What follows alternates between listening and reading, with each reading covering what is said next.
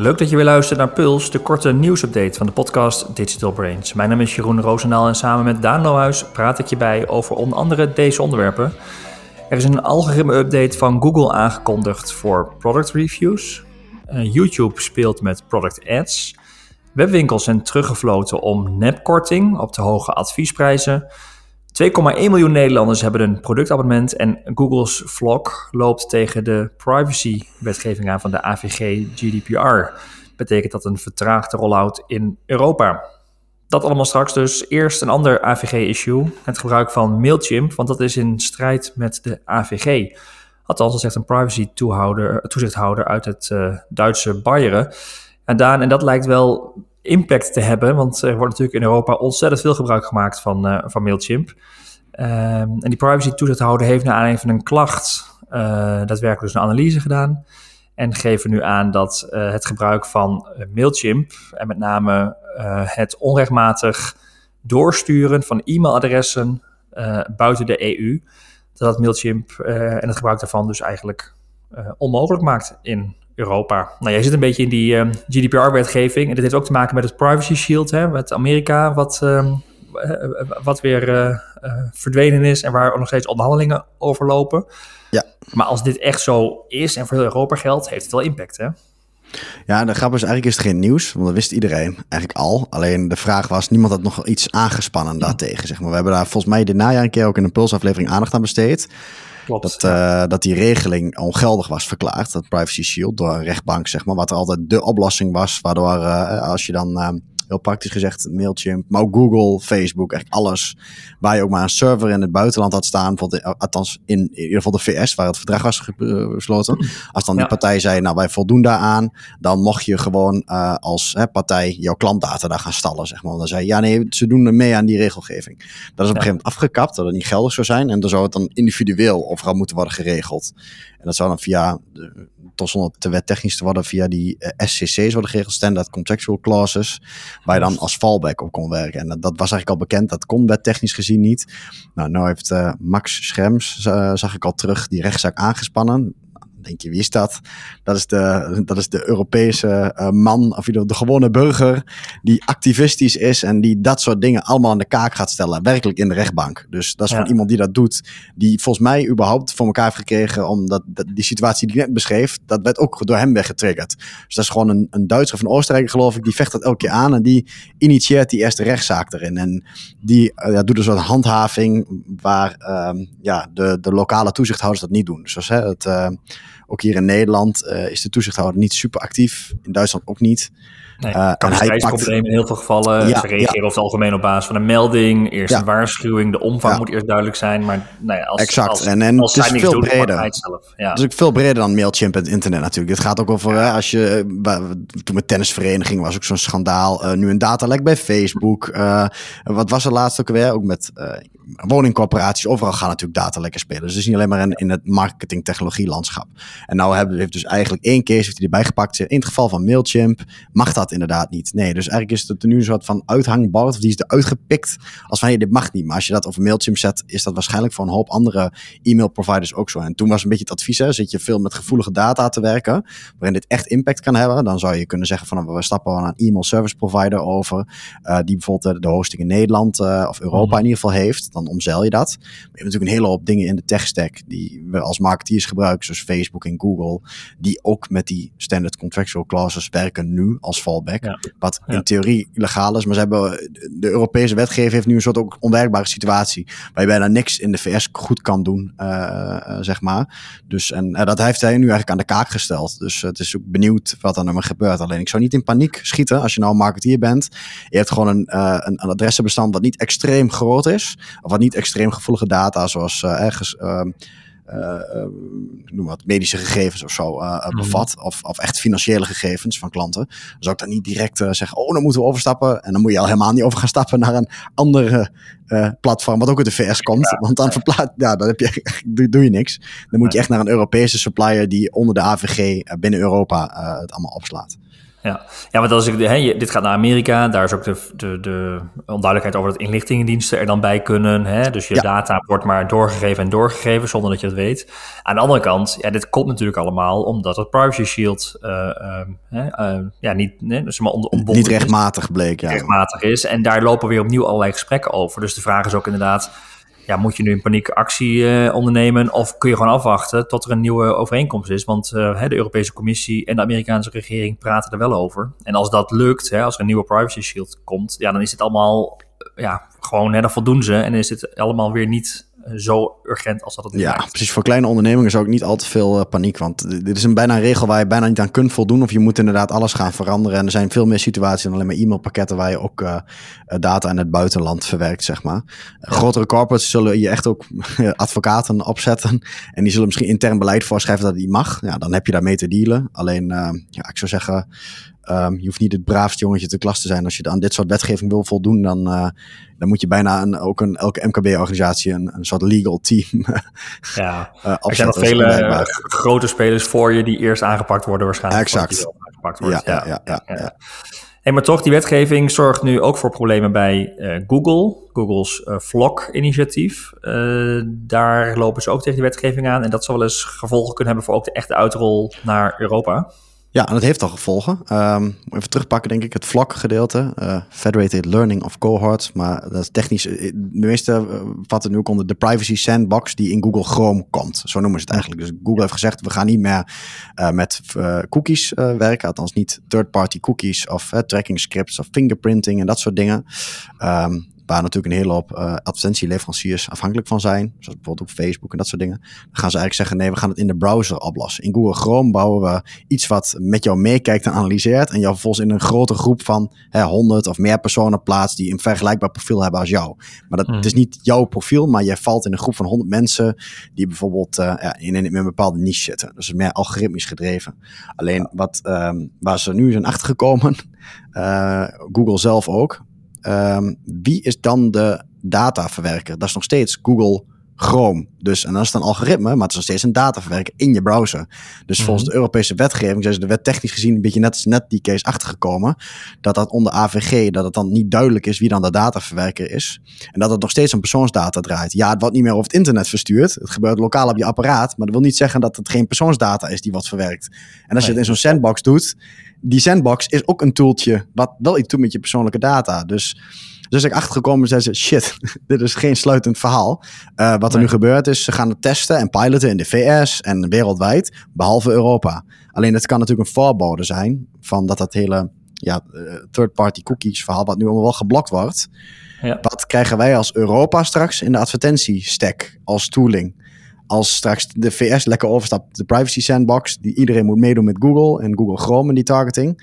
Wat krijgen wij dan in Europa als dat niet op die manier komt? Want third-party cookies worden steeds vaker geblokt en ja. Safari ziet het al terug. Dus als het um, alternatief dan vervolgens inderdaad. Ja, ja first party data is natuurlijk sowieso belangrijk. Dus zelf je klanten kunnen herkennen op e-mailadres of mijn omgeving inloggen. Dat blijft altijd de oplossing. Maar daartussenin ontstaat een soort grijs gebied met advertentietracking. Als wij niet kunnen meedoen als Europeanen met de privacy sandbox. En ondertussen erodeert dat hele third party cookie uh, verhaal. Ja, dan kunnen we wel eens in een soort van ja, limbo land terechtkomen waar wij niks hebben. Dus nee. dat is wel een ontwikkeling om uh, goed in de gaten te houden. Ja, plus ook wel nadelen voor Google gezien de, de, omvang van Europa natuurlijk en de volumes die ze daar hebben. Ja, ja. maar het is in ieder geval dus het eerste gevolg is dat dus die, die testen die echt in de praktijk worden gedraaid nu al. Want eerst zeiden ze in Europa doet ook gewoon mee wereldwijd, waaronder de EU. Dat hebben we ja. toen vorige podcast ook gezegd. Nu zeggen ze, oh nee, toch niet. Dus het kan er wel eens wat groter gaan worden. Dus uh, interessante ontwikkeling om in de gaten te houden. En het blijft vooral interessant waarom ze daar altijd, dat nu pas, je zou denken dat zo'n partij als Google daar gewoon eerder al tegenaan loopt en dat al getackeld ja. heeft. Hè? En dat dat nu ja. dan in één keer uh, naar buiten komt. Ja, ja. Iets anders wat uh, van Google uh, naar buiten is gekomen is een uh, algoritme-update die ze aangekondigd hebben, volgens mij ook al deels uitgerold hebben. En die gaat over productrecensies. Hm. en dat is wel interessant, Daan, vond ik zelf. Want ja je, ja, je weet zelf natuurlijk ook, productrecensies zijn een belangrijk onderdeel natuurlijk van, de aankoop, van het aankoopproces. Alleen, ja, wat is dan de kwaliteit van die recensies? het zijn vaak hele korte zinnetjes, een paar sterretjes en that's it. Vraag is hoe betrouwbaar zijn ze, hoe echt zijn ze? Er wordt wel eens ja. gesproken over dat soort review farms, hè, die maar gewoon uh, reviewen om, om te reviewen, dat je veel reviews hebt. Ehm, en Google heeft nu aangekondigd dat er dus een, een, een specifieke update, het is geen core update, het is echt een algoritme update voor alleen de productrecensies. En daar gaat het vooral om de kwaliteit ehm, eh, die ze willen verbeteren. Ja. Ehm, want de update gaat erom dat productrecensies die kwalitatief zijn, dat die beter beloond worden. En wat is dan kwalitatief? Nou, eigenlijk recensies waarbij een soort ja, diepgaand onderzoek is, uh, uh, voor- en nadelen, heel uitgebreid reviewverslag. En niet de dunne content, zoals we het noemen, die ik net even uh, als voorbeeld had. Hè, dat je even een zinnetje en een paar sterren. Ja, dat staat topding, punt. Of waardeloos, punt, met één ster. Daar heb je als gebruiker natuurlijk een stuk minder aan dat iemand zegt, waarom vindt hij het waardeloos? Dat je zegt, ja, ik wil het daarvoor gebruiken en dan werkt het niet. Ja. Terwijl je misschien denkt, oh, maar zo wil ik hem niet gebruiken. Of, ja, het zal veel verder moeten gaan dan inderdaad alleen maar die schabloninformatie, templates die je standaard, standaard ziet. Um, wat wel zo is, is dat je dus niet afgestraft wordt als je die nou ja, minder kwalitatieve reviews nu nog hebt. Maar het kan wel zijn dat het gevolg geeft voor je posities, omdat Google websites met betere uh, reviews hoger gaat plaatsen. Dus je kunt wel zakken. Dat voelt wel als afstraffen, maar je wordt niet echt hard afgestraft, zodat anderen gewoon beter beoordeeld worden en dus daarvan profiteren. Ja, dus het is een uh, positief signaal en het is niet een negatief signaal. Uh, nee, uh, exact. Gaan eigenlijk die, die, die belonen en daardoor kun je wel met je eigen pagina's onderuit gaan of iets, iets zakken. Um, houd het in de gaten. We hebben ook in de show notes zullen ook een, um, een, linkje toevoegen naar waar je ook tips kunt vinden over waar nou een goede productrecensie volgens Google aan moet voldoen.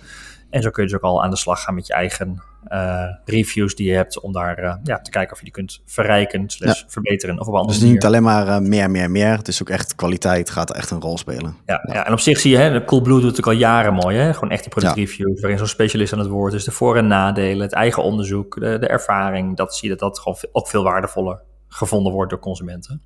Ja. maar het kost wel meer tijd, maar Google gaat het wel meer belonen. Ik word er wel blij van. Ja, toch? Goede ontwikkeling. ontwikkeling. Ja, dat is bij, het begon een beetje spammerig te worden. Je hebt, ik weet ook natuurlijk binnen marketplace en platform worden ook vaak reviewcampagnes gedraaid door uh, fabrikanten. Dus dat je, als jij het eindgebruiker uh, ooit wel eens een keer zo'n cadeaubon of iets, een kortingscode kreeg om, om een review achter te laten. En um, dan is het vooral inderdaad om de hoeveelheid, om het aantal sterretjes van uh, 1000 reviews of 2000 reviews. En daar kijken veel mensen ook naar. Hoe meer reviews, hoe beter. Maar dat is eigenlijk dus hoe meer reviewcampagnes er zijn gedraaid. En niet zozeer echt nuttige reviews. Dus uh, wel blij dat die slag naar kwaliteit wordt gemaakt. Uh, dat een product misschien met één en diepe review misschien wel meer baat heeft dan tien platte mensen die gewoon een paar sterren geven. Dus ja.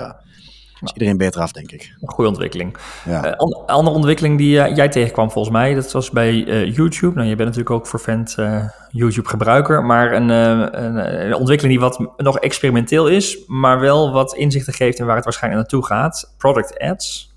Ja, Um, hangt ook allemaal samen met social shopping. Ja, ik zie ze zelf dus nooit, want ik heb YouTube Premium. Oh, dus ik ben in die zin. Maar ik vind het wel heel interessant, want um, waarom? Um, ik zit even te denken aan um, YouTube for Action. Dat was twee jaar geleden. Volgens mij hebben ze dat een beetje aangekondigd. Dat ze ook echt uh, conversiegedreven YouTube-campagnes. Dat werd toen best wel groot uh, gemaakt door Google. Ik was daar toen zelf ook een beetje huiverig voor. Want destijds werd YouTube vooral als een soort zichtbaarheid. Uh, hè, dat je pre-roll advertenties die skipbaar waren. En ook in ja. de meeste campagnes gebruikte die als, ja, dan ben je mooi zichtbaar. Maar dat echt direct de conversie en resultaat uitkwam. Daar zo stond YouTube niet bekend. En um, eigenlijk sinds die YouTube for Action uh, campagneformaten waar echt duidelijke call to actions en grote buttons in staan in YouTube tegenwoordig, zie je dat sommige campagnes, als je hem goed insteekt, dat je de boodschap goed, ook best wel voor echt conversie kunnen zorgen. Gewoon actiematig. Dat kan natuurlijk dat Google ook goede targeting heeft op basis van zoekintentie. Dus als je hebt gegoogeld naar een specifieke zoekopdracht, zit jij in een in-market audience van uh, televisiekopers. En dan kan het komen, zomaar kunnen zijn dat als jij iets ziet, uh, je zit bijvoorbeeld iets van voetbal te kijken, dat zou jij niet zo snel doen, maar mijn hypothetische persoon kijkt voetbal en die krijgt een aanbieding voor een uh, nieuwe televisie te zien. Uh, en dat hij bijvoorbeeld een kortingscode kan downloaden. Dat best wel veel wordt gebruikt en die conversie ook goed is. wat heeft dat met dit product ding te maken? Nou, ze zijn dus, ze hebben zelf ook aangekondigd, staat op hun blog. Ze hebben een soort van um, op het Google-blog een uh, soort, um, noem je het ook weer, een soort uh, statement of een soort visiedocument ja. gemaakt van hier ontwikkelen we, dit is de, waar, de, waar YouTube de komende jaren naartoe gaat. En ja. uh, daar zetten ze echt in ook op social commerce en product en, en sponsored product, zeg maar. aan de ene kant monetizen voor creators, dus als je content hebt gemaakt, dat je meer kan verdienen. Maar ook dat ze echt zeggen van willen um, betere aanschaf faciliteren voor consumenten van producten die ze zien in video's of gepromote dingen. En dit is daar een eerste, op het platform zelf echt ook op binnen, ze beschrijft zelfs als binnen YouTube. Dus, dat je, dus ook hier is Google aan het kijken. En dit is een eerste experiment, wat ze dus nu in de VS draaien. Maar met een duidelijke intentie dachten van, we zitten dus te zoeken naar de vorm, maar dit gaat hem sowieso worden. Dat je dus onder een YouTube-video, dat ze automatisch herkennen welke producten zijn er in beeld. Dus wat er bijvoorbeeld een telefoon gereviewd, of hè, een, uh, een fietsslot, of, of, of, een, of een webcam. Dan zie je daaronder directe advertenties van een fietsslot of die webcam en waar je ze kunt kopen. Ehm, vrij frictieloos. En dat wordt dus op basis van AI, wat is al gedetecteerd, welk product is dat waarschijnlijk. Dan krijg je dus advertenties te zien op de plek waar je nu vaak de volgende video's of de, of de comments hebt. Um, dus hoe dat gaat werken is nog niet precies bekend, maar dit is wel zo'n ding wat Google vaak heel snel ontwikkelt en misschien wel binnen een jaar released. Dus dat je ook echt de social commerce-achtige dingen, uh, dus hè, discovery van producten. Dus als jij toevallig wat zit te kijken of van je favoriete technikkanaal en daar zit iemand een nieuwe webcam uh, te reviewen, een nieuw model, dat je dus vanuit Google, dat als jij als verkoper van die webcam uh, ja, ook met een product feed waarschijnlijk mee kan doen en daar als direct aankooppunt komt te staan. Dus um, interessant. Ja, dat, dat is wel een. Uh, dat, en nogmaals, de, eigenlijk hebben ze al gezegd, dit komt eraan. En nu zijn ze aan het zoeken naar de vorm.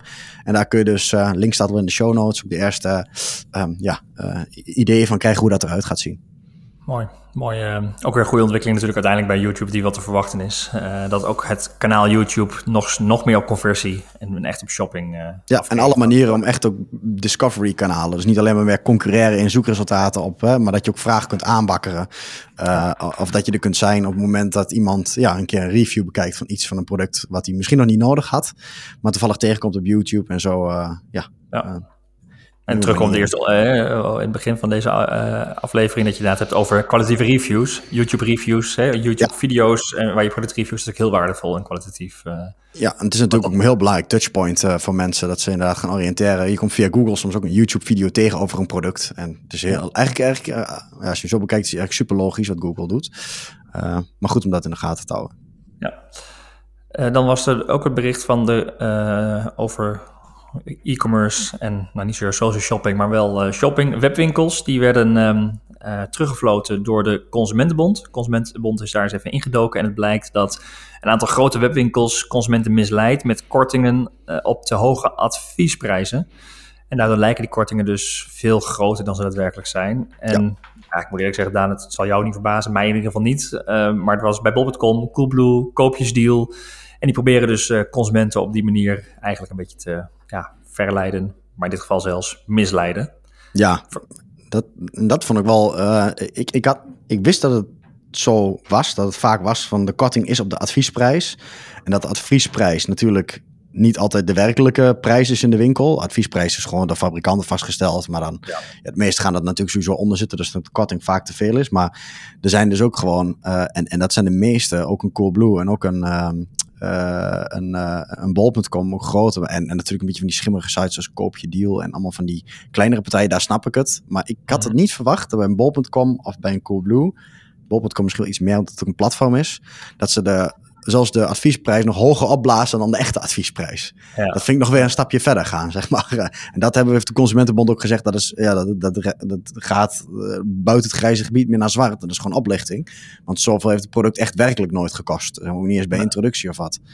Dus, um, nee, ik ken ook wel situatie ook vanuit de reclamecodecommissie. Dat je ja, de adviesprijs van drie jaar geleden, soms wel eens, hè, die werd ook wel eens gebruikt in advertenties. Van ja, eigenlijk is het product dit waard. Maar het is nooit voor die prijs in de markt geweest. En dat is een beetje hè, waar ook vanuit de reclamecodecommissie destijds al partijen op de vingers zijn getikt. Van ja, je moet het wel hebben over een daadwerkelijke prijs die gewoon in de markt gebruikt wordt. En niet een prijs die je als uh, producent bijvoorbeeld het liefst zou willen. Uh, of misschien, nou ja, die, die al niet reëel is. Nou doen de producenten blijkbaar doen dat dus wel netjes. Alleen de platforms, die gaan dus gewoon compleet fictieve vanprijs uh, communiceren. En die adviesprijs, die ligt boven de adviesprijs ligt. Dus dat is natuurlijk wel. Uh, ja, dus, en dat ik dacht van, wat moet je hiermee als luisteraar? Nou, één, voor jezelf privé natuurlijk goed kijken. Maar dat is, je moet gewoon altijd natuurlijk voor een goede prijs zoeken. Dus los van de korting wat het is.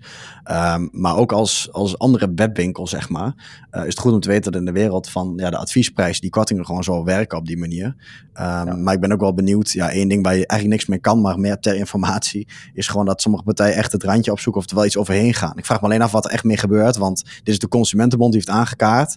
Maar dat je nou zegt van, nou nu, uh, dat was niet uh, de autoriteit Consument en Markt die achteraan nee, is gegaan of zo. Ze, ze kunnen niks. is een bevinding, is het nieuws dat je denkt, nou, en Een glas, een plas en alles blijft zoals het was, zeg maar, lijkt het een beetje te zijn.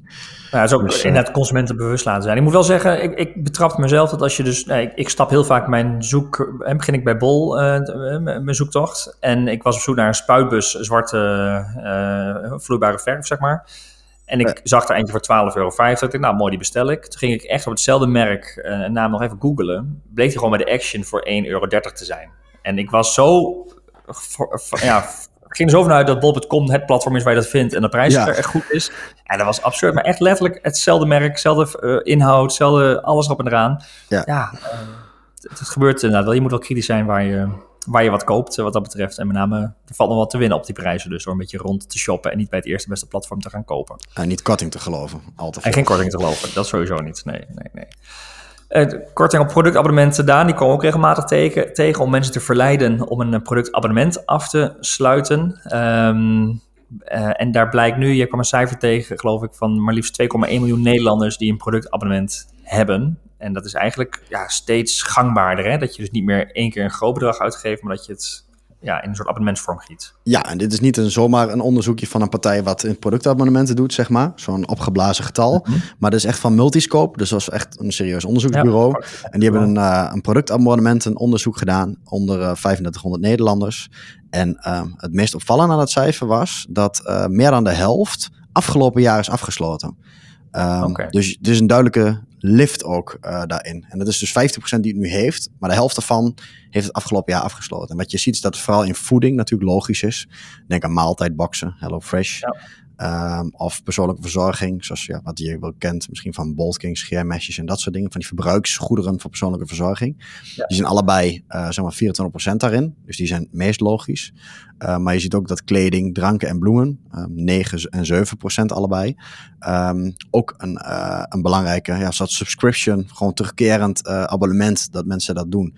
En dat is logisch natuurlijk afgelopen jaar, gezien de corona-ontwikkeling. Dus dit lijkt ook een hele specifieke trend te zijn binnen corona en abonnementen, waardoor dus mensen inderdaad ja, meer daarop aangaan. Die denken, ja, ik hoef dan de deur niet meer uit, hè. ik hoef niet meer naar een winkel, om schermmesjes is logisch om zo'n abonnement of voor bloemen. Um, en dat is denk ik ook wel een blijvertje. Uh, en um, ja, belangrijk om te beseffen, zit je in een van die markten die ik net noemde, of iets aanliggend, moet je het onderzoek even opzoeken als je over subscriptions zit na te denken. Me meer mensen maken gewoon gebruik van die subscription diensten. Het is gewoon in trek. Um, het wordt normaal, zeg maar, niet meer gek. Dus uh, denk ik een belangrijk uh, feitje om in je achterhoofd te houden als je ja, uh, zaken doet met klanten in een van die sectoren. Of als je erover na zit te denken. Dit is wel een beetje het moment om dat te, te proberen te introduceren en misschien ook wel iets wat blijft hangen.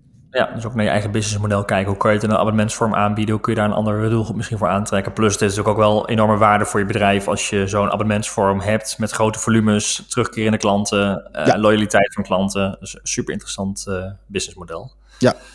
En de markt is er dus misschien wel dankzij corona, staat er steeds meer voor open. Ja, ja en zeker met kleding bijvoorbeeld krijg je ook een echt een andere dynamiek. Met dingen die misschien terug kunnen gestuurd worden of gebruikt kunnen worden. Dus uh, ja, je kunt ook, uh, je noemt al businessmodel. Ik denk dat dat ook is. Niet gewoon in plaats van één keer afrekenen, dan gewoon een soort maandelijks terugkerende herhaalaankoop ervan maken. Maar dat je ook echt iets doet daarmee met de klantbeleving. Of uh, hè, dat je misschien meer waarde krijgt, meer rechten, specialere aanbieding. Of ehm, ja, dingen die het bijzonder maken. Meer korting of qua delivery bepaalde tijdslots. Dat je zegt gegarandeerd elke op dat, dat moment. Dus je kunt er natuurlijk ook ja, creatief mee zijn. Dus alle kanten op. Heel veel iets om over na te denken. Mm -hmm. Tot slot had jij nog een must-read over een unicorn-strategie. ja, ik hoorde hem hier in de wandelgangen en ik zat hem te checken. En hij is, hij is eigenlijk al best wel oud. Dat is een blogje uit 2018. Maar uh, ik dacht, hey, deze is gewoon wat tijdloos. Um, maar de naam valt vooral op en het idee is ja. ook gewoon gaaf. Dus vandaar uh, vind ik het even een, een must read. Vertel. Hij kwam ergens ook in een DSA, uh, Dutch Search Award case naar boven. Zo kwam die weer uh, bovendrijven. Uh, dus dat hebben ze daar ook een keer goed toegepast. Maar goed, vertel inderdaad, wat, wat is dit? Um, ze noemen hem de Inverted Unicorn strategie. Dus de omgekeerde eenhoorn strategie. Dat is gewoon een fancy naampje, denk ik. Maar het idee is wel heel leuk. Dat is namelijk pak uh, um, in, in, advertising kun je twee doelgroepen. Je kunt je doelgroepselecties maken. Ja. En je kunt natuurlijk zeggen van goh, uh, ik wil alle uh, mensen die fan zijn van de VVD bijvoorbeeld. En dan iets wat ook aanpalend daarin is. Een logische doelgroep. Mensen die ouder zijn dan 50 bijvoorbeeld. En in die regio. Dat zijn allemaal logische combinaties. Wat eigenlijk de inverted unicorn strategie zegt, is Ehm, dat is een idee om, om heel veel engagement te krijgen op je post. En wat doe je dan? Is dan zeggen mensen die van de VVD houden en van Star Trek. En dan een grapje maken met een, een Star Trek meme of een karakter over Mark Rutte bijvoorbeeld in positieve zin. Waardoor je, ja, dan de inverted unicorn is, je pakt echt twee doelgroepen die eigenlijk ja, die een hele kleine overlap hebben, maar wel super specifiek. Waardoor die doelgroep waarschijnlijk echt denkt van, hoe komen ze dan met deze content? Dan krijg je een hele hoge engagement erop. Ja, ja. Dus ik vind het een leuk idee, gewoon in een brainstorm sessie, zeg maar, om af en toe erin te gooien van, hey, kunnen we hier ook uh, qua content en targeting een inverted unicorn doen? Ja, nu ervan, weet je wat dat betekent? Dat je zegt, ja, zit er een soort ja, onverwachte niche als je een hele grote doelgroep hebt met een kleine subset daarvan, die je misschien heel erg kunt verrassen met een heel specifiek stukje content. En het is vooral een idee als je weinig budget hebt, bijvoorbeeld. Hè? Dus uh, dat, je kunt er wel duizend inverted unicorns doen. Maar als je zegt van, goh, we hebben nu 100 euro Facebook budget voor dit doelgroepje, wat doen we ermee? Ja, dan kun je zeggen, je maakt zo'n massa doorsnede en dan bereik je daar 1% van. Maar je kunt ook zeggen, hey, we doen een inverted unicorn en we pakken een heel klein doelgroepje, maar wel super engaged. Ja, dus, het vraagt uh, wat van je creativiteit, het vraagt wat goede content, maar het kan in één keer wel viraal gaan en, eh, en een behoorlijk engagement halen in die doelgroep. Ja, dus als je inderdaad in die twee doelgroepen het onderzoek doet van wat is nou echt de verrassende overlap, wat gaat mensen verrassen? Ik denk dat, ja, ik, ik weet niet, ik, heb wel zo een paar ideeën als je zegt van een paar klanten en campagnes, dat je zegt, hey, dat is, en je kunt ook gewoon uh, gaan browsen in de ad managers hè, van Facebook bijvoorbeeld, van wat zijn nou toevallig subsetjes. En daar staan misschien ook categorieën tussen dat je denkt van... hé, hey, ik wist niet eens dat het bestond, maar laat eens kijken wat dat is. En die pakken als, uh, als uitgangspunt van je content. Dus uh, dat is een leuk ideetje. Je kunt hem googlen, Inverted Unicorn Strategy, vind je hem ook wel. Maar de link staat natuurlijk ook in de show notes. Dus uh, ja. We gaan de link, principe. leuk. Ja, de show notes van deze aflevering vind je natuurlijk op advice.nl slash podcast. En heb je zelf tips, vragen, reacties of ideeën? Laat het dan weten via podcast.advice.nl. En wil je nieuwe afleveringen niet missen? Abonneer je dan op deze podcast in je favoriete podcast-app of via Spotify of YouTube. Voor nu weer heel erg bedankt voor het luisteren en graag tot de volgende aflevering.